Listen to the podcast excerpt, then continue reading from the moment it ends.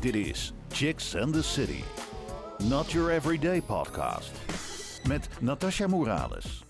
Uit elkaar gaan en vrienden blijven. Dat klinkt onmogelijk, maar dat is het niet. Een relatiebreek of een scheiding hoeft niet automatisch te betekenen dat je nu voor altijd ruzie moet hebben met je ex. En in deze podcastaflevering praten wij met René Trijselaar. En zij is een van de initiatiefnemers van Hoe doen we dat met kerst? Dat is een platform en podcast over gelukkig scheiden. Ja, het schijnt te bestaan. René, welkom. Hi, dankjewel. Hallo. René, zo leuk, want jij ehm, bent er bezig bij. Je was al eerder bij ons te gast over je project De Verdienmodellen. Ehm, en nu dit. Ja. Wauw, wat, wat doe je nog meer? Kan je een beetje kort Wat vertellen? doe ik nog meer? Ja, volgens mij ben jij zo'n Oh. bezige bij. Jeetje, te nou, ik werk eigenlijk het meest in de cultuursector. Ik adviseer daar instellingen, kunstenaars, andersoortige makers, creatieve ondernemers over, eh, over, ja, over ondernemen eigenlijk. Eh, altijd op het snijvlak van zakelijk en artistiek. Ik adviseer bij fondsen en eh, overheden voor subsidieregelingen bijvoorbeeld. Ik doe af en toe gastklessen op hogescholen over cultureel ondernemerschap. En dit is eigenlijk helemaal iets anders, wat een soort persoonlijk project is. Eigenlijk is het ook niet eens een bedrijf, denk ik, meer een platform. Ehm, ik heb er nu vooral geld in zitten en niet, er zit niet echt een verdienmodel in nog. Ehm, eh, en dat gaat eigenlijk gewoon over mij, over eh, mijn gescheiden ouders en eh, mijn eh, gescheiden roedeltje, zou ik maar zeggen, van familie waarmee wij eh, opereren. en ehm, ja, dat ik geloof dat goed voorbeeld eh, doet goed volgen. Dus ik wil een ander verhaal de wereld in. Ja, want het is wel grappig, want jij eh, bent inderdaad vorige keer te gast geweest over de verdienmodellen. Wat dus inderdaad eh, betekent, jij, wat je dus doet, is zorgen dat mensen ook echt geld verdienen met wat ze doen en zo. Dus ja, daar ben jij best wel, daar, daar zit je dan bovenop. Dat is jouw core business dan, zeg maar. Maar dan doe jij dit en daar je zegt nu zelf, ja, er zit geen verdienmodel eigenlijk in. Dus dat is een beetje anti-René misschien bijna. Of, of hoe zien we dat? Ja, nou weet ik niet. Nee, dit is, ik, ik vind, ehm, ik, ik ben denk ik altijd op een missie om de wereld wat toffer te maken. En daar hoort geld verdienen bij, maar daar hoort ook eh, bij dat mensen lief zijn voor elkaar. En eh, ja, dit is gewoon daarvan uit voortgekomen. Ik vind het gewoon belangrijk. Ik denk dat het ook de tijd is en, eh, om een beetje liever voor elkaar te zijn. En ik vind het belangrijk om dat een beetje de wereld in te slingeren. Dus eigenlijk een beetje een soort van missie eerder. Van ik wil dit graag gewoon doen om mijn verhaal te delen. Om Ja. mijn kennis daarin te, te delen, zeg maar. Ja, en andere verhalen dus. Want in de podcast ja, ontvang ik steeds iemand anders die dit eigenlijk ook doet. Of eh, die in ieder geval hierop uit is. Zo. Inspirerende verhalen van anderen. ja. Ja, en eh, wat jij dus doet, is je geeft ook eh, coachings aan mensen. In het ja, oké uit elkaar gaan eigenlijk. Ja. Dus je bent ook opgeleid tot coach. Dus eh, ja, je bent een hele onwijs bezige dame. Heel erg leuk. Nou, helemaal tof dat je er bent. We gaan je allemaal vragen stellen natuurlijk. Tenminste, de meiden gaan dat doen die hier mee presenteren. Want Chicks in City is een meidenparticipatieproject. Dat betekent dat dit eh, wordt gemaakt voor en door jonge meiden. En eh, ook weer twee leuke dames hier in de studio die dus mee presenteren. Dat zijn Suzanne en Aurolinda. En voor Aurolinda wel heel erg leuk, want zij is voor het eerst, zij doet voor het eerst vandaag mee. Misschien ook even beginnen bij jou dan, Aurolinda. Wat kan je over jezelf vertellen? Um, ik ben 18 jaar oud, ik studeer rechten. En ja, ik vind het wel nu spannend om mee te doen. Het is gewoon mijn eerste keer. Maar ik hou gewoon om mezelf te, uit te dagen elke dag. Dus ja. Ja, precies. Nou, dat komt helemaal goed. Suzanne, Oh, ik moet ook nog wat over mezelf vertellen. joh, ja, ik denk iedereen weet al eh, wie ik ben. Ik hoop eh, dat mensen die nu luisteren ook... eh, grootheidswaanzin heet dat. Jongen, jongen. nee, dat betekent dat onze podcast beluisterd wordt. Dus ja, laat Ja, ik... ik maak een grapje. Nee. nee, ja, ik ben Suzanne. Ik ben eh, onlangs verhuisd en ehm, verloofd. Bizar, hè? Leuk, man. dus ja, ik ga hopelijk volgend jaar trouwen. Ja, echt heel spannend. En het leuke is, voor Chicks on Screen heb jij, ehm, eh, wat was het? Polyamorie onderzocht. In het Ja, kader van, ja, goh, ja. ik ga trouwen en wat is dat eigenlijk? Ja, klopt inderdaad. Heel ik heb erg zelf eh, een relatie met, met één, één man en eh, daar ben ik heel erg tevreden mee. Maar ik vond het wel leuk om te kijken van wat, ja, wat er nog meer bestaat en wat andere mensen doen. En dat was inderdaad, ja, polyamorie is dus eh, een relatievorm waarbij er meerdere ja, mensen onderdeel kunnen zijn van de relatie. En eh, daarin heb ik eh, twee dames gesproken die een relatie met een en dezelfde man hebben. Ja, dus als je die aflevering wil terugkijken, dan kan je naar chicksandthecity.nl gaan en Chicks on Screen aanklikken. En dan kan je al, alle afleveringen terugkijken. Hele spannende aflevering ook. Polyamorie is weer heel wat anders dan ehm, nou ja, trouwen met elkaar en dan weer scheiden. Dat is dan, ik weet niet of dat dan misschien de oplossing zou kunnen zijn om minder scheidingen te hebben. Polyamorie, wat, wat denk jij? wat denken jullie, René? Ik de- ja, nee, ik denk... ehm, ik denk niet dat... Niet echt jouw ding. Nou, oh, nou, weet ik niet. Nou, weet ik niet. Ik, eh, nee, nee. Ik, eh, ik eh, sluit denk ik niks uit. Nee, nee, ik ben niet... Maar eh, nee. nee, ik word dacht er, heel ik even word er over niet na. heel warm van. Maar ik kan me voorstellen dat het wel iets voor mensen is. Ik weet alleen niet of mensen die trouwen en scheiden de mensen zijn die anders liever voor polyamorie zouden kiezen. Maar het kan natuurlijk allemaal. Ja, ja, precies. Het zou kunnen. Het zou kunnen. Nou, we gaan zo nog allemaal vragen natuurlijk stellen aan onze gast. Dus eh, blijf luisteren. Wij willen ook graag van jou horen. Daarom heb jij in Ask the Audience de mogelijkheid om vragen te stellen aan jouw favoriete Chicks and the City gast. Misschien wordt jouw vraag wel beantwoord in onze volgende podcast. We verloten wekelijks ook leuke prijzen onder de mensen die gereageerd hebben. Je kunt een toffe DVD winnen van de meiden van Chica Radio en een Chicks and the City lipbalm, ideaal voor de wintermaanden. Reageren kan. Ga naar Rijmond Chicks op Facebook of op Instagram. Chicks and the City Podcasts. Wil je weten wie er de volgende keer te gast is? Check het op chicksandthecity.nl. Je luistert naar Chicks and the City. Ja, René, ehm, je werd net geïntroduceerd als een eh, bezige bij. Maar ehm, ja, vandaag willen we het eigenlijk eh, voornamelijk hebben over jouw, eh, jouw platform. Ehm, hoe doen we dat met kerst? En dat gaat dus over gelukkig scheiden. Daarbij maak je ook een podcast. Kun jij vertellen wat het platform precies inhoudt en ook waarom het nodig is? Ehm, nou, ik ben het eigenlijk uit mijn eigen ervaring begonnen. Eh, mijn ouders zijn gescheiden en waren onlangs eh, 50 jaar vrienden, waarvan 21 jaar getrouwd. Ehm, ik ben zelf gescheiden en hele goede vrienden met, met mijn ex-man en de vader van mijn kind. Ehm, het is bij ons heel normaal dat eh, bijvoorbeeld toen mijn vader of moeder onlangs jarig waren, dat mijn ouders er zijn, mijn stiefouders, eh, als ze in het land zijn, mijn ex-schoonouders, mijn vriend, mijn ex-man. En dat, we, en dat eigenlijk niemand zich afvraagt hoe dat nou zit. De helft heeft op papier niks meer met elkaar te maken. Maar eh, ja, wij zijn gewoon een soort stammetje. Of ja, een roedeltje noemen wij het altijd. Hm. Van lieve mensen. Ze komen erbij, maar ze gaan nooit meer weg. Ehm, en, ik, en dat verhaal, eh, dat is voor mij heel logisch. Maar ik merk om me heen, helemaal nu ik zelf in een leeftijd kom waar mensen om me heen uit elkaar gaan, dat dat niet zo vanzelfsprekend Welke is. leeftijd is dat? 25. Nee. nee, ik word eind van de maand 39.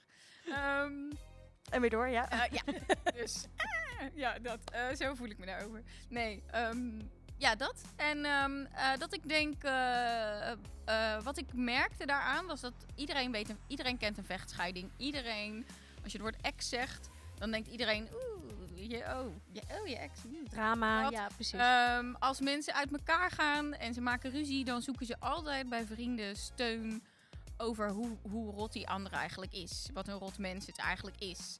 Ehm, en vaak krijgen ze die steun ook. Ehm, en, ik, en ik merkte eigenlijk twee dingen. En dat was dat mijn vriendinnen zeiden, ik wil wat jij hebt. Maar dat als ik dan zei, nou, dat is keihard werken. Dat ze zeiden, nou ja, jij bent er, ja, jullie zijn gewoon niet zo. Jullie hebben elkaar niet gekwetst. En ja, jullie zijn er zo ingerold of zo. Dacht ik, nou, dat is echt Dat is niet waar. heel niet waar. dat is ook niet hoe dat werkt, eh, denk ik. Ehm, dus ik dacht, ja, goed voorbeeld doet goed volgen. Toen ik ging scheiden, dacht ik niet, ik wil weg bij mijn man. Maar toen dacht ik, ik wil wat mijn ouders hebben. Ehm, ik denk dat we dat beter kunnen. Ehm, en ik denk dat als heel veel mensen weten dat dat bestaat en dat, eh, dat je gewoon eh, nou, ongeveer een jaar denk ik nodig hebt nadat je besluit uit elkaar te gaan om daaraan te werken en om dan ergens te komen waar je gewoon opnieuw begint eigenlijk. Dat dat eh, hopelijk inspirerend is voor mensen om het anders aan te pakken en ook om vanaf het begin iets anders te kiezen. Ja. Mooi, ja. Want inderdaad, jij zegt, nou, in de intro zei je net, van, ik wil de wereld een stukje mooier maken. Nou, Mhm. hoe mooi is het als we minder vechtscheidingen hebben en veel meer scheidingen die gewoon op een gelukkige manier eh, geregeld worden. Ja. Ehm, want weet jij ook eh, iets van cijfers hier in Rotterdam of Nederland? Hoeveel Nou, niet helemaal Scheidingen- mijn hoofd. Eén op de drie huwelijken volgens mij eh, ontaart in een scheiding. Veruit de meeste daarvan waar kinderen bij betrokken zijn, zijn vechtscheidingen. Wel steeds minder. De cijfers lopen wel terug. Ik was toevallig deze week onderdeel van een conferentie over dit onderwe- onderwerp. Of ik, ik was daar uitgenodigd om te kijken en mee te luisteren. Ehm, dus wel er zijn wel minder vechtscheidingen, maar dat is vooral omdat er meer hulp aan de achterkant is. Uh, dus meer maatschappelijke instellingen die je helpen bij mediation en dat soort dingen. Ehm, maar dat voelt toch voor mij een beetje als dweilen met de kraan open. Ja. Ehm, nee, en, en, ehm, ja, en dat, dat, die conferentie bijvoorbeeld waar ik van de week was, daarvan is de insteek preventie van huiselijk geweld. En een van de pijlers waar dat op staat is eh, scheiden zonder schade, heet het dan. Eh, Ehm, dus dat betekent ook dat vechtscheidingen eh, leiden tot mensen die psychische klachten hebben, tot ongezonde situaties voor kinderen, tot huiselijk geweld. Ehm, en ik denk niet dat ik dat allemaal kan ondervangen, maar eh, ik denk wel dat, er, dat het belangrijk is dat er een ander verhaal is. Ja, want ja, jij bent zelf inderdaad een, eh, een mooi voorbeeld. Eh, eigenlijk heb je dat net al verteld. Ehm, maar ik ben wel nog benieuwd van, nou, jij bent zelf ook gescheiden. Ehm, is het dan zo dat jij met jouw ex direct op goede voet leefde? Of had dat wat meer tijd nodig? Hoe ging dat proces? Ja, precies. Want het lijkt me toch wel iets... Ja, dat lijkt me iets niet wat je gewoon meteen... Nee, Oké, en het is er.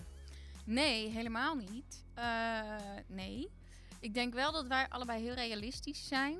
En eh, ook wel eh, ons heel de tijd hebben gerealiseerd dat we wel op een bepaalde manier van elkaar hielden. Maar gewoon niet genoeg om getrouwd te zijn.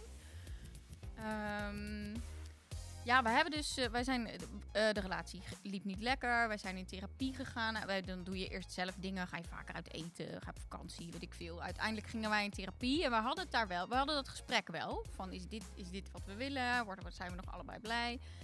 En uiteindelijk bij die therapie dachten wij allebei... Misschien moeten we dit helemaal anders doen. Misschien moeten we er een punt achter zetten. En eh, de, het, het werd op een gegeven moment letterlijk een soort exit-therapie. Zo van samen naar de uitgang. Ehm, want dat was een van de eerste lessen, denk ik, die ik daarover leerde. Was je moet samen uitstappen op het Ja. moment dat je er samen klaar voor bent. Dus niet, ik ben klaar met jou ehm, en nu is het op. Maar eh, ja, eigenlijk daar samen naartoe. Ehm, maar goed, dan ben je nog steeds, dan woon je nog steeds een half jaar, of heb ik of zo, met mijn ex in één huis gewoond. Terwijl wij eigenlijk al klaar waren. En dan ben je gewoon, elke dag is er één over de datum. Ehm, dan zit de irritatie heel hoog. En dan eh, worden alle kleine dingen heel groot. En eh, wij Want hadden... er zou toch wel een vechtscheiding kunnen ontstaan. En dan in dat half jaar. Dus Zeker. En wij hadden de regel meegekregen van een therapeut die zei: eh, je mag geen ruzie maken over dingen die er over een half jaar of over een jaar niet meer toe doen. Dat helpt als je de discipline hebt om je daaraan te houden. En dat hadden wij best wel.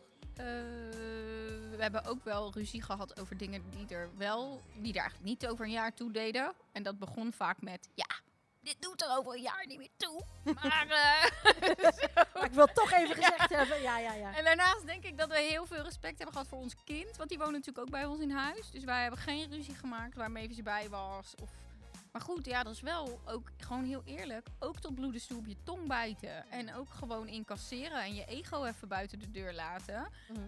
Ehm, in het heel eerlijk, ik ben in die tijd heel veel afgevallen. Echt van pure stress en eh, ellende.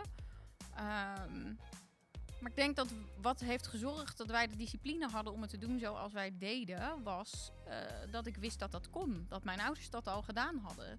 Ehm, mijn in die tijd heb ik heel veel gesprekken ook gehad met mijn moeder over scheiden. Want ik dacht altijd, mijn ouders zijn gewoon gescheiden en daarna vrienden geworden. Mhm. Maar dat was natuurlijk voor hun ook niet zo simpel. Alleen ik heb daar als tienjarige niks van meegekregen. En toen ik ging scheiden hadden we een ander soort gesprekken daarover. Ja, eyes on the prize and fake it till you make it. Dat is echt, dat is echt het eerlijke verhaal, denk Mhm. ik. En i- maar is jouw platform dan ook eh, voornamelijk bedoeld om het voor kinderen een eh, gelukkige scheiding te laten zijn? Want ja, je zegt zelf, ik ben heel veel afgevallen en stress. Dat Mhm. klinkt nog steeds niet als super gelukkig scheiden. Nee, maar de, dat komt ook later pas. Zeg maar, kijk, het is een soort. Ik vind het een soort no pain, no gain. Weet je wel, als je, als je echt uit elkaar wilt, omdat je daar gelukkiger van wordt, dan kies je om naar een betere plek te, te willen, zeg maar met jezelf. Dan moet je gewoon keihard voor werken. En dat is met alles zo. Alleen met scheiden zijn we heel erg gewend om ons zo soort om te wentelen in ellende. En dan allemaal vriendinnen en vrienden te hebben die zeggen: Oh, wat erg, wat erg. Oh, nou, oh, doet hij dat? Zegt hij dat? Oh, nou, vreselijk. En daar dan een soort een beetje. Ik heb echt vriendinnen aan de telefoon die zeggen: Ja, ik vind het gewoon niet eerlijk. En denk ik: Ja, je bent nog niet 40 geworden om erachter te komen dat het leven niet eerlijk is. Je moet gewoon, weet je, ja, doe, raap jezelf even op. Ga even wat doen. En dat is ook waar het platform voor is. Ik ging op onderzoek naar wat er was. En dat is allemaal heel. Het gaat of over heel emotioneel. Of het gaat over hoe, ha- hoe doe je dit financieel het, of juridisch het handigst of zo. En niemand die gewoon zegt: is gewoon fucking hard werken. En eh, als je wat wil, en dan moet je dat gaan doen. Goh. En, en eh, als ik jou nou zo hoor, ehm, zijn er dan bepaalde stappen die je ondergaat? In zo'n situatie. Zeg van nou, je hebt eerst fase 1, fase 2 of. of eh, ja, kan je nou ja, ik denk, ik, kijk, ik denk dat de, dat de eerste fase is dat het moment dat je het gesprek hebt van hey, vinden wij het nog leuk? Mhm. Eh, dus nog voordat je besluit om uit elkaar te gaan. Daar zit een soort daar moet je communicatieskills voor hebben. Ik zie om me heen dat heel veel mensen dat niet hebben. Ja, want jij zei net wel iets moois. Van, ehm, een van de dingen die wel belangrijk zijn, of is, is dat je samen uit moet stappen. Ja. Maar dat gebeurt natuurlijk heel vaak niet, denk Nee, ik ook. Er zijn ook heel veel mensen waarvan, eh, koppels waarvan de een zegt van ik wil stoppen en de ander wil dat niet, bijvoorbeeld. Of die ziet dat Ja. niet aankomen of wat dan ook. Dus is dat dan in iedere situatie wel mogelijk om eh, gelukkig te scheiden, zeg maar, als de een eigenlijk niet wil en de ander wel? Nou nee, dat maakt het heel ingewikkeld. Ja. Maar de notie of de wetenschap dat, dat ehm, als je het niet zo doet, dat het je iets kost, eh, is ook al goed. Eh, ik, in de podcast heb ik een gast, Nassima El Idrissi. Zij zegt, ik ben gescheiden. Ik heb dat pas gezegd toen ik er al helemaal klaar mee was. En dat kwam bij hem heel rauw op zijn dak. En daarom had hij nog een jaar nodig om normaal tegen mij te doen. Ja. En ik heb hem uit laten razen. Ik heb dat geïncasseerd. Want dat kwam ook omdat ik hem er pas mee confronteerde toen ik al klaar was. denk ik, die notie dat Ja. dat zo werkt, eh, dat, dat levert al een hoop op. Mm. Ehm, dus ik denk dat fase 1 is dat je echt open, dat, het, dat je moet normaliseren dat je een open gesprek kan hebben. Dat je in een veilige relatie kan zeggen, ik weet niet of ik nog zo gelukkig ben. Kunnen we het daarover hebben? Ehm, Ja, het gesprek aangaan. dus dat is denk ik het eerste stuk. Als je daarna besluit dat je echt niet meer gelukkig wordt met elkaar op deze manier. ehm, dan denk ik dat er een fase aanbreekt die gaat over rouw. En over het gevoel dat je gefaald hebt. En over dat je helemaal niet weet wat er op je afkomt. Dan moet er iemand een nieuw huis gaan zoeken. Of misschien moet je je huis verkopen omdat je het allebei niet kan betalen. Of weet ik veel, uit je huurhuis omdat je het niet alleen kan betalen. Bla bla. Kinderen moeten misschien naar een andere school. eh, nou, je moet allemaal keuzes en allemaal dingen regelen waarvan je echt niet weet of je ze geregeld krijgt. Dat is gewoon hartstikke veel dikke stress. Ehm, en eigenlijk heb je dan elkaar support nodig op een moment dat je elkaar echt niet meer zo aardig vindt. Dat is dus zo dubbel. Je, eigenlijk heb je elkaar ja, nodig, maar ja. eigenlijk is dat dan niet leuk. tussen, Nee, ja, dus maar dat is dus de zure appel. En, Ja. en op het moment dat je daar bewust van bent en je realiseert je dat allebei. ehm, en je kan heel bewust besluiten om je ego even buiten de deur te laten. Ehm, dan helpt dat. Want als je elkaar helpt, ben je er ook sneller doorheen. Ik woonde in een half jaar op mezelf. Dat kwam echt omdat mijn ex mij hielp. Mijn ex heeft bij mij geverfd. Want die dacht, hoe sneller ze weg is, hoe beter. Dat is dan wel weer heel mooi. Ja, ja. Dus, eh, dus dat soort dingen, denk ik. eh, je, moet, ja, je moet het samen doen. Je moet er samen uit. Ja. Ehm, en ik realiseer me dat er heel veel eh, situaties zijn waarin dat natuurlijk niet kan. Als er agressie is of als er... er zijn- het is natuurlijk niet voor iedereen. Maar ik denk wel dat het normaler zou kunnen zijn dan dat het nu is. Mhm. ja, ja, precies. Je luistert naar Chicks and the City. Auralinda, jouw vragen aan de gast. Ehm, René, wat betekent het voor kinderen wanneer ouders een vechtscheiding hebben? Ja, dat weet ik dus niet heel goed, want ik had dat niet. Ehm, maar als ik eh, de onderzoeken lees en de boeken daarover lees, dan betekent dat vooral dat ze niet één veilige plek hebben. Ehm, en dat zij rekening moeten houden met hun ouders in plaats van andersom. Deze zomer was er een reclame op tv.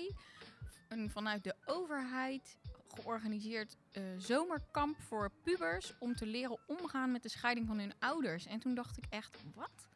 Stuur die ouders op kamp. Leer ze gewoon normaal doen. Ehm, Ja, het is eigenlijk omgekeerde wereld. het hè? is een soort dweilen met de kraan open. Ehm, en ik denk, ja, ik denk dat voor kinderen het vooral hem zit in de veiligheid. En in de relatie die je met je kind hebt. Als je met je vader niet over je moeder kan praten, waar je heel veel van houdt. Of andersom. Of je kan niet enthousiast zijn over een cadeau wat je van de een krijgt, omdat de ander dan zich vergeten voelt of zo. Ja, daar word je heel, eh, ehm, denk ik, door getemd of zo. Terwijl dat juist niet is wat je voor kinderen wil, denk ik. Wanneer pluk je de vruchten van, eh, ehm, van alle effort die je erin steekt om gelukkig te scheiden? Want in het begin zeg je, het is allemaal stress, het is allemaal best wel heftig en eigenlijk helemaal niet zo fijn. Nee. Ehm, wanneer werd het voor jou dan dat je dacht van, hé, nou, dit is wel fijn zo op deze manier? Ehm, Hoe lang duurt dat? nou, ik, ja, eh, ik, ik denk eh, dat het dat een jaar of zo een fair stretch is om daarover te zeggen. Het duurde voor ons een half jaar om te regelen dat we allebei een eigen stek hadden. En dat je dus ook. ehm, dat, dat er dus een aantal dingen geregeld zijn waar je stress over hebt. Dat je erachter komt dat je kind het eigenlijk helemaal niet erg vindt om twee huizen en twee kamers te hebben. Dat je daar veel te druk over hebt gemaakt. Ehm, dat je best je kind twee dagen kan missen. Ik dacht echt, oh, ik kan niet zonder haar. En toen was ze er niet een weekend. En toen dacht ik, oh. Dat is best, eh, dan kan ik weer andere dingen doen. Ja, ja, ja, ja. Ehm, aan de andere kant, op het moment dat ik in mijn huis... Ik dacht heel de tijd, oh, als ik een eigen huis heb en een eigen plek, dan, dan eh, komt de rust. Maar eigenlijk viel dat heel erg tegen. Want is het gewoon een verwerkingsproces en hangt dat niet af van je huis. Ehm, dus ik denk dat ik vanaf daar nog een soort... Dat we er langzaam... Dan wordt de communicatie makkelijker. Want dan zit je niet meer heel de dag op mekaars lip. En hoef je niet meer mekaars was te doen en dingen. Ehm, dus vanaf daar werd het beter. Mhm. Ja. Ehm, vrienden blijven kan toch alleen als je elkaar niet hebt gekwetst. Nee. Dat nee, ik denk dat ik in iedere relatie wordt denk ik iemand gekwetst. In meer of mindere mate. Ook als je bij elkaar blijft. En als je uit elkaar gaat, denk ik dat je bijna per definitie elkaar kwetst. Want je hebt een keer tegen iemand gezegd, ik hou voor altijd van jou. En uiteindelijk zeg je dus tegen iemand, "Mm, ja, maar misschien ook niet. Eh, dat alleen al is pijnlijk. En dan zijn er nog dingen als vreemd gaan of eh, nou, whatever. Of als mensen die financieel er een puinhoop maken achter de rug van een ander. Ehm, het ding is, denk ik dan, dat kan dus niet meer als je uit elkaar bent. Dus ehm, stel je ex gaat, ging vreemd, dat kan die niet meer doen als je niet meer bij elkaar bent. Ehm, Oké, dan kan die je niet meer belazeren, bedoel je, want je bent Nee, elkaar. want, want, want dat, da- dan haal je dus eigenlijk al die dingen waardoor je gekwetst bent, haal je eigenlijk uit die relatie. En door gewoon een vriendschap te hebben, ja, heeft iemand veel minder invloed op jouw leven. Niet op je bankrekening, niet op je liefdesleven, niet op allemaal andere dingen. Je kan zelf de grenzen bepalen. Je kan zelf bepalen tot waar je iemand erbij wil hebben. Ehm, als je het zo praktisch aanvliegt, dan, ehm, dan kost alles kost tijd om te verwerken. Maar eh, ik heb dus nu in de podcast een aantal mensen die wel bedrogen zijn, of die wel echt hele knallende ruzies hebben gehad. Ehm, maar die toch dan uiteindelijk kiezen om wel vrienden van elkaar te zijn. Hm. Ja, als ik het zo hoor, dan klinkt het allemaal heel erg logisch wat je zegt en praktisch. Maar ja, hoe, hoe, hoe gaat dat nou dan in het echt? Want ehm dat lijkt mij gewoon heel erg lastig. Zeker als stel dat iemand is vreemd gegaan.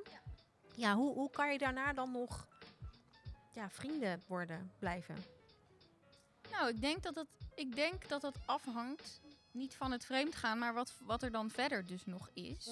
Nou, mijn, bijvoorbeeld tussen mij en mijn ex, denk ik, er zijn heel veel dingen waar, waardoor wij geen, geen relatie kunnen hebben. Als, gewoon als eh, liefdesrelatie.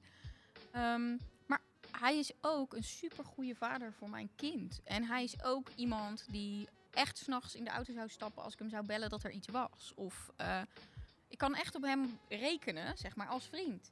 Ehm, ja, ik, dus eh, het leven gaat ook over loslaten. Ik denk dat je op heel veel andere momenten in je leven tegen dingen aanloopt waarvan je, als je ze hardop van tevoren zegt, denkt, nou, daar kom ik nooit meer overheen. Terwijl als je er dan voor staat, dat je eigenlijk denkt, ik heb wel voor hetere vuren gestaan. En ik Waar denk, gaat het mis, vind jij? het gaat mis als, als mensen niet streng zijn voor zichzelf. En ook als de omgeving meegaat in dat verhaal. Dus als je. eh, ik kon bijvoorbeeld mijn moeder bellen en zeg om te ventileren, om gewoon keihard uit te janken en alles wat ik vervelend vond over mijn ex bij haar te spuien. En dan daarna zeggen, ik wil dat je het nu weer vergeet en je mag het nooit op een verjaardag of zo hem voor de voeten gooien. En dan deed ze dat gewoon niet. En mijn moeder zei ook tegen mij, ehm, raap jezelf even op. Of, nou, nu heb je het gezegd, weet je, nu eh, weer het volgende. En door. En, ehm, eh, en ik denk dat zo'n omgeving heel belangrijk is. Dat je niet, eh, als je één van de twee support, ben je onderdeel van het probleem. Dus, eh, dus mijn ex ging ook met mijn ouders praten waar ik niet bij was. Ehm, om, eh, om het over dingen over mij te hebben. Eh, maar die support moet wel voor het hele team zijn, zeg maar. En niet eh, voor, voor één. Vriendinnen die allemaal zeggen: Oh, wat erg. Oh, eh, oh wat is het een eikel. Nee. Daar heb je helemaal niks aan. Hm. Dat is wel echt ook een hele goede tip. Want dat gebeurt natuurlijk, denk ik, volop wat je zegt. Dat, dat is natuurlijk Ja. het, het ding, denk ik. Ja. Ja, ja, ja precies. Chicks and the City. Pot verdikke me. De pad verdikken me. Oh ja. Een uh, gênante eh, bekentenis. Of iets waar je druk om maakt. Je mag kiezen. Heb je er een, René? Ja, je vroeg dat net. Toen dacht ik, eh, nou, ik heb er wel één. En dat is dat natuurlijk sinds we met z'n allen veel thuiswerken, ik voor mijn werk heel veel online vergaderingen heb. En waar, wat ik me aan de voorkant helemaal niet had gerealiseerd, is dat je dan heel de dag naar jezelf zit te kijken. Je kan gewoon niet online vergaderen zonder ook een heel klein veldje te hebben waar je eigen kop in zit. En ik ben, ik ben nooit heel zelfbewust geweest. Tot ik nu dus hele dagen naar mijn eigen kop zit te kijken. Dus ik vind het super fijn om, dat ik ook thuis kan werken. Maar man, kan iemand een programma maken waar ik niet naar mezelf hoef te kijken als ik vergader? Een kop verdikken me, is dat. Hè? ik vind het wel een goeie, inderdaad. Ik snap hem ook wel. Ja. Dat is het nadeel van, eh, van thuiswerken. Je luistert naar Chicks and the City. Suzanne, Ja, ehm, ik ben benieuwd. Vind jij ook niet dat relaties tegenwoordig te snel worden opgegeven? Oh, daar heb ik echt helemaal geen mening over. Ehm, nee, ik vind als je niet gelukkig bent, ben je niet gelukkig. Ehm, en ik geloof voor mezelf, denk ik niet, dat een heel, heel je leven lang met iemand zijn meer waard is dan vijf keer met iemand een tijdje. Dus ik ben vooral heel groot voorstander van dat iedereen dat voor zichzelf moet bedenken. Nou, dat is ook eh, prima inderdaad. dat is heel duidelijk. Ja. Nee, we hadden het net ook al eventjes over eh, de fases die je dan hebt hè, in, in het scheiden. Op een gegeven moment heb je het punt van nou, eh, we zijn er klaar mee, dan ga je dat bespreken enzovoort. Ehm, maar ik kan me ook voorstellen dat er een nieuwe fase aanbreekt wanneer je uit elkaar bent en de ex-partner opeens zegt, joe, dit is mijn nieuwe vriendin. Dan gaat er volgens mij weer een hele nieuwe fase aanbreken. Dus ja, heb jij daar, kan je daar wat over vertellen hoe, hoe je dat aanpakt? Wat normaal, wat je vaak ziet, is dat het daar ook ineens misgaat. Dat het eigenlijk, dan, dan zijn ze uit elkaar, is het allemaal op zich prima. Ze hebben hun manieren gevonden, nou, er zit een ritme in, met kind, oké. En dan komt er een nieuwe partner en dan ineens is het allemaal weer Op scherp. Moeilijk, op scherp en lastig. En, en ja, Dat is wel echt unfinished business, denk ik dan. Dat zit echt in die communicatie aan het begin. Je moet er allebei helemaal klaar mee zijn als je er echt mee stopt. Ehm, dus als er één nog een sprankje hoop heeft, of als je nog af en toe toch wel met elkaar het bed in dook, of al weet ik veel. Ja, dat is allemaal unfinished business. Gaat het allemaal niet makkelijker maken. Ehm, mijn ervaring is juist dat het voor een nieuwe partner ook misschien wel ingewikkeld is om in te stappen op het moment dat je nog heel goed bent met je ex. Mijn nieuwe vriend vond in ieder geval aan de ene kant het heel fijn dat er dus niet een boze ex is waar ik heel de week over zit te zeiken op de bank en weet ik veel eh, dat. Dat het allemaal vanzelf gaat. Ehm, maar dan moet je dus wel, eh, iemand moet wel even over een drempel. Ik moest tegen hem zeggen, ja, nou gaan we koffie drinken bij Mavis de vader. En dat, nou, daar keek hij niet eh, naar uit. Nee, dat kan me ook wel weer bij En, eh, voorstellen. en uiteindelijk kunnen ze nu hartstikke goed samen. Hè. Is er helemaal niks aan de hand. Maar je, moet, het is wel, je moet wel over een soort drempel om het goed te doen. Ehm, en ik denk dat het meer iets is waar mensen tegen ophikken dan dat het ook echt ingewikkeld is. Ehm, maar dat is wel iets wat je moet managen. Ja, het ligt ook weer dicht bij jaloezie natuurlijk. Eh, daar heb ik dan toevallig Ja. in mijn Ja. video-opname van polyamorie ook eh, over gehad. Van ja, wa- wanneer ben je jaloers? Ja, ik Ja. zou het niet heel leuk vinden als mijn vriend eh, een heel weekend met mijn ex gaat afspreken. Dus ja, Nee, nou ja, dat, dat gebeurt bij mij ook in die zin dan niet. Maar ja, ze, ze, ja, ze zitten wel met elkaar op feestjes en ze, ze lachen ook met elkaar. En ze lachen ook om mij met elkaar. En Ja, precies. Wat hier René nou weer heeft. Ja, typisch. ja, hè? weet je, Ja. dat eh, zo. Dus eh, ja, ja, ja, dat. Het is gewoon wat. Ik denk dat het is wat het is. En, ehm, en als er een nieuwe partner. Het is ook een keuze die je maakt, denk ik. Als mijn nieuwe partner dat ingewikkeld was blijven vinden. Ja, dan, dan kon die niet blijven. Zeg maar. Dat is ook hoe het werkt. Zo, dus zo hard is het dan eigenlijk ook. Van, van joh, eh, accepteer je deze situatie niet of kan dat niet, dan zijn we niet voor elkaar bestemd. Nee, want mijn ex is ook gewoon mijn gezin. eh, met Mavis. Dus ja, eh, graag of niet dan. Dus inderdaad, in zo'n situatie ehm, krijgt iemand de ex er gewoon bij eigenlijk. Toch? Ja, nou ja, in mijn geval zelfs ook de hele familie van mijn ex. Zijn en, zijn scho- en mijn ex-schoonouders en weet ik veel. Ja, die, die komen gewoon. En dat is gewoon hoe het is. ja. Het is wel heel bijzonder en heel mooi. En dat heb jij dus ehm, zo meegekregen, ook vanuit huis, omdat jouw ouders dat ook zo hebben gedaan. En, en ehm, d- dus toen jij klein was, heb jij iets gemerkt van de scheiding? Of heb jij iets eh, meegekregen van, god, dat was vervelend of lastig? Of was het allemaal eigenlijk helemaal oké? Nee, bij mij, dat, ik heb daar, nu weet ik er meer van. Ook omdat ik er zelf doorheen ben gegaan. Maar toen was het eigenlijk, eh, mijn vader ging een paar straten verderop wonen. Daar ging ik in het weekend naartoe. Als ik bij de een of de ander wilde zijn, kon ik er naartoe lopen. Dus dat was gewoon eh, dat. En we aten ook nog bij elkaar. We zijn zelfs nog een keer een weekend met z'n drieën weg geweest. En, en mijn moeder is nog steeds heel goed, ook met de hele familie van mijn vader. En eh, dat eh, gaat allemaal, ja, dat, dat is gewoon hoe het is. Het is wel heel mooi en, en ook heel bijzonder. Lijkt het. Want misschien Ja, zijn er heel maar veel meer van dat ja. soort mensen hoor. Maar eh, je bent de eerste die ik zo erover spreek dat dat dus kan. Maar door Ja. jouw podcast kom je er nu achter dat er meer mensen zijn die het zo eh, proberen te doen in ieder geval. Ja, ja. Wel Ja. heel mooi. En wat is de beste tip die je mensen kan meegeven die ja, misschien op het punt van scheiden staan en dit verhaal horen en denken, hé, hey, dit wil ik ook?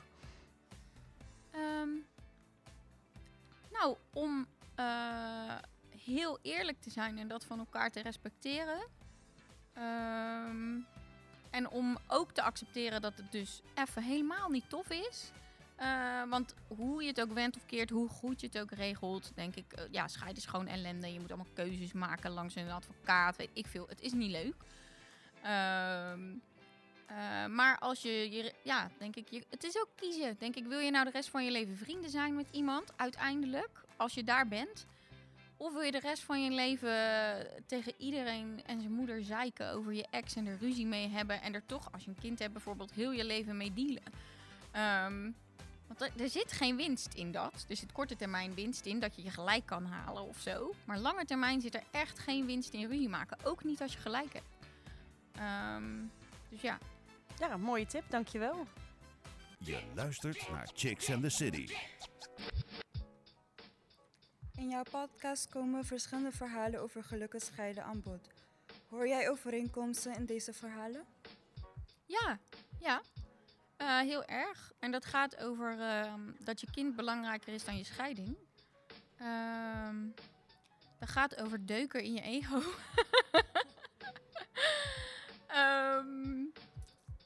gaat over incasseren. Ehm, want je gaat gewoon lelijke dingen zeggen of Denken gaat of gewoon- voelen. Of denken of Ja. voelen. En het gaat over je gaat gekwetst worden. En er- ja, je gaat keuzes moeten maken die je eigenlijk niet zo tof vindt. omdat je water bij de wijn gaat moeten doen als je er samen uit moet, moet willen komen. Dat is natuurlijk een onderhandeling. Ehm, op het moment dat je op je kwetsbaarst bent. Dus dat is, dat is een terugkerend thema.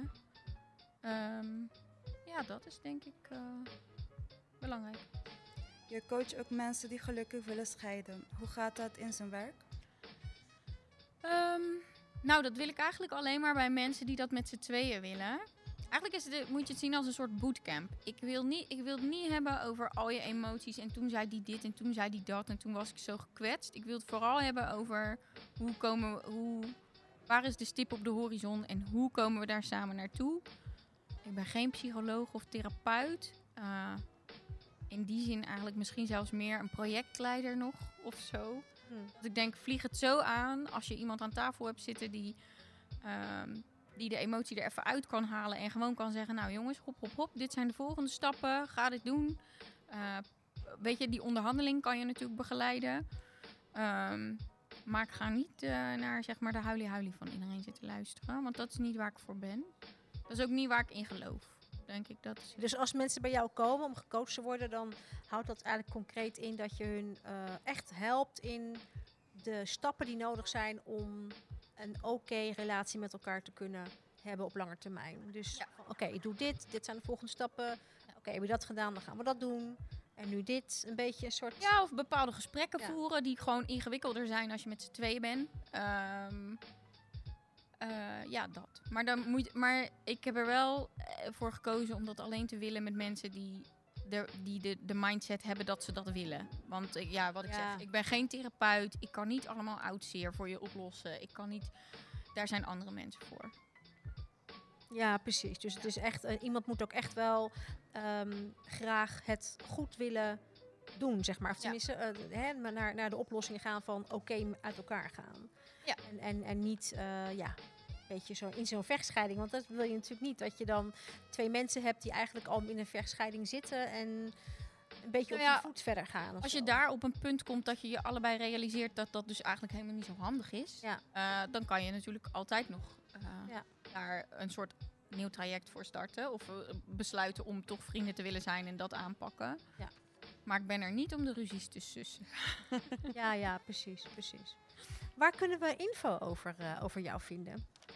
Nou, op eh, hoe doen we dat met kerst.nl. eh, op Instagram, at hoe doen we dat met kerst. Eh, de podcast kun je luisteren op Spotify. En aflevering 0 gaat over mij en mijn ex. Is een gesprek tussen ons. Ehm, super raar om dat te doen. ja, dat was ook alweer heel apart, denk ik. Dan ga je eens een podcast met je ex maken. Ja, dat gesprek. Ik hamer zo heel de tijd op communicatie. Maar dat gesprek hadden we dus nog nooit gehad. Van, hé, hey, we zijn nu vijf jaar verder. We zijn vrienden. Hoe kijk jij daar nou op terug? Of zo. En dat was een heel... Mijn ex is niet zo'n prater. Ik heb nog nooit zoveel horen praten als in die podcast. Wauw.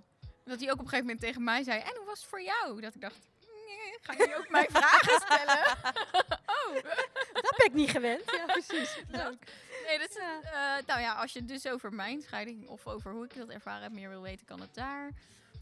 Ja, verder ben ik natuurlijk dus nog onderdeel van de verdienmodellen. Verdienmodellen.com en ben ik eh, onder Wellplate eh, consultant en adviseur. Dus eh well-plate.nl. Ja, en de komende periode ga je nog meer podcasts maken met stellen die dan bezig zijn of, of al Het is altijd met één iemand. Ehm, eh, en eh, de, iedere twee weken is het doel. En tot nu toe lukt dat. Dus blijkbaar zijn er best veel, veel goede verhalen ook. En maar hoe, hoe kom jij aan die mensen? Want dat... Nou, ik, ja, ik heb het er gewoon over. En ik... ehm, ehm, dat is ook nog wel goed misschien om te zeggen. Ik ben echt op zoek naar een soort verscheidenheid aan mensen die dit doen. Het is ook een beetje een... een eh, als het over scheiden gaat en als ik op andere platformen kijk, dan gaat het toch ook heel vaak, heel plat gezegd, om witte hoger opgeleide tweeverdieners die uit elkaar gaan. En eh, ja, in Rotterdam eh, zijn we dat gewoon niet allemaal. Eigenlijk de meeste niet. Ehm, dus dat is ook wel een reden waarom ik, eh, nou ja, ik, ik, waarom ik gewoon een verscheidenheid aan gasten wil. Dus ik, ja, ik gooi overal hengeltjes uit. En ik moet eerlijk zeggen dat eigenlijk uit mijn eigen netwerk, ja, er zitten gewoon best wel veel lieve mensen die dat gewoon goed doen, denk ik. Ja, dus heel veel eigenlijk uit je eigen netwerk als inspiratie die dan daarover kunnen praten. Ja, nu het begin. Eh, maar iedereen die eh, denkt, ik heb ook zo'n verhaal dat ik wil delen.